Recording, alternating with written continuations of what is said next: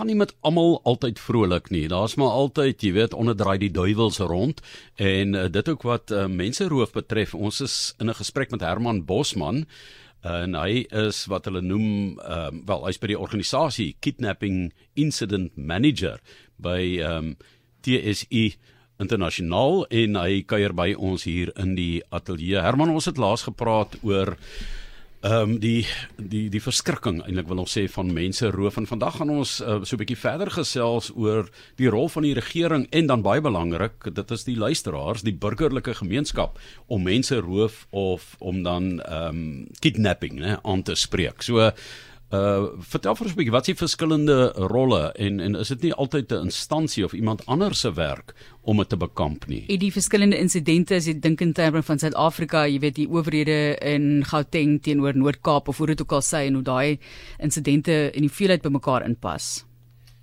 Ja, goeiedag en goeiedag aan die luisteraars. In breë trekke lê dit aan die einde van die dag wanneer die misdaad gerapporteer word dat iemand geneem is en glo vir my ek het gister uh alleenlike drie insidente mee te doen gehad. Ehm um, en dit is definitief nie 'n goeie ding vir familie en ook hierdie tyd nie.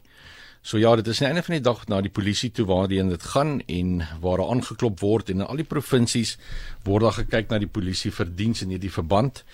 Die probleem is egter dat dit so toegeneem het dat die polisie op hierdie stadium uh baie moeilik en en gaan sukkel om dit hok te slaan net vanuit hulle hoedanigheid uit en ons sal moet kyk na wat is die regering se rol in 'n in 'n groter spektrum. Weet hoe gaan ons dit benader en dit aanspreek nie net deur na die polisie toe te gaan en dat die polisie alleen verantwoordelik is hiervoor nie. En uh, ek het ook al verskeie keer hierna verwys dat ons sal moet gaan kyk na politieke wil in hierdie verband waar ons moet by die uitvoerende gesag, die wetgewende sowel as die regsprekende gesag gaan kyk hoe kan ons menseroof of kidnapping in Engels aanspreek deur te kyk na wetgewing, deur te kyk na die hele proses van ondersoek om dit te vergemaklik en beter te maak? En ek het spesifieke uh um aspekte waarna ek daar kan verwys wanneer wanneer mense dit sou wou bespreek en dan ook wanneer ons kyk na vonnisoplegging en dis meer ehm um, en getuienislewering waarna ook gekyk moet word nadat iemand wat 'n ongelooflike dramatiese gebeurtenis waarna ons dan ook sal moet kyk. En dan die private sektor se rol in in firmas soos uh, TSU waar ons die gemeenskap en firmas bystaan vandat dit gerapporteer word reg deur die hantering daarvan tot wanneer die geliefde terug is ehm um, en en ook as daar dit nodig sou wees um, om hof toe te gaan sal ons regdeur van die begin tot die einde betrokke wees by daardie proses. Goed, so dit is 'n um, 'n normale kriminele proses waar deurloop moet word, maar vertel vir ons 'n bietjie van die um, gemeenskap, die burgerlike gemeenskap. Wat wat moet ons oplet? Hoe kan ons help? Wat wat kan ons doen? Dit is vir my eerstens belangrik dat ons moet besef dat ehm um, die persone wat hierdie misdaad pleeg in 'n groot mate goed georganiseerd is. Die teikenarea in die meeste van die gevalle is tussen woonplek en werk en op die pad te, in daardie rigting en terug en dan ook wanneer jy jou huis sou verlaat of by die werk arriveer of vertrek. Daar is baie min gevalle waar dit sou wees wanneer 'n persoon uh, met vakansie is of ehm um, sou byvoorbeeld aan een of ander sportsoort gaan deelneem wanneer daar's nie 'n patroon nie. Maar die oomblik waar daar 'n patroon is en dit tussen woning en werk, is dit baie goed nagevors. So veral daar wees waaksaam in daardie in daardie tydperk wanneer jy tussen jou woning en jou werk of self skool as 'n rotine sou beweeg. En dan doen 'n bietjie navorsing, sit jou eie naam en van en inligting in op ehm um, enige webwerf en gaan kyk wat kry jy van jouself op die webwerf.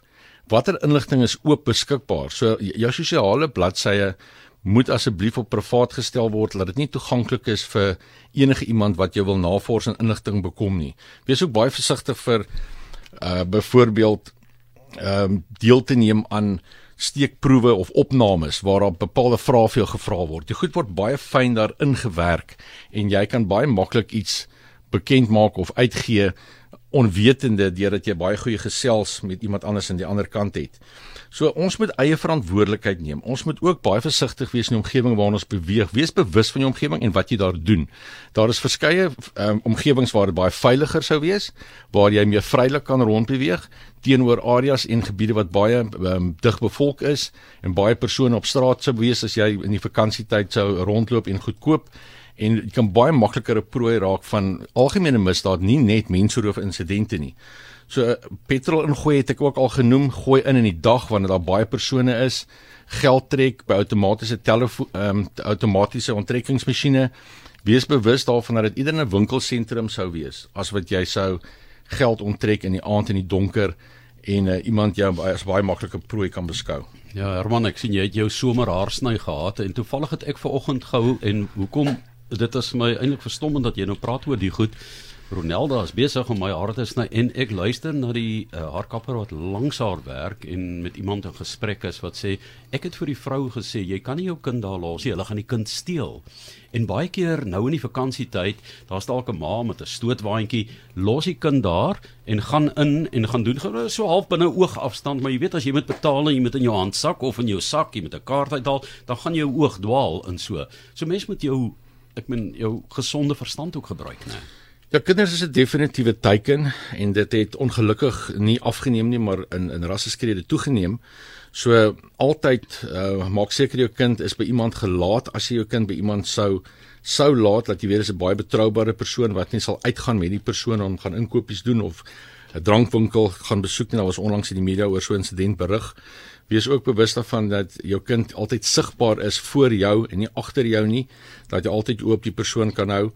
Hulle trek ook jou aandag af en dan in daardie oomblik uh, neem hulle jou kind um, of jou jou selfoon en beurs en ander goed. So wees baie waaksaam wanneer hierdie persone dit doen. Hulle is professioneel hierin. Dit is hulle beroep. Dit is wat hulle elke dag doen en dit is hoe hulle oorleef en hulle bron van inkomste. So ons moet van ons kant af bewus wees hiervan en en en dit van ons kant af voorkom. Ook as ons kinders aanlyn speletjies speel. Dit is vir my groot bekommernis. Jy weet nie met wie jy speel nie. Jy dink jy weet met wie jy speel. Jy weet nooit wanneer jy is met wie jy nie ander kan deel nie. En jy speel hierdie speletjie, hulle maak jy goeie vriende met jou, gesels net jy's lekker.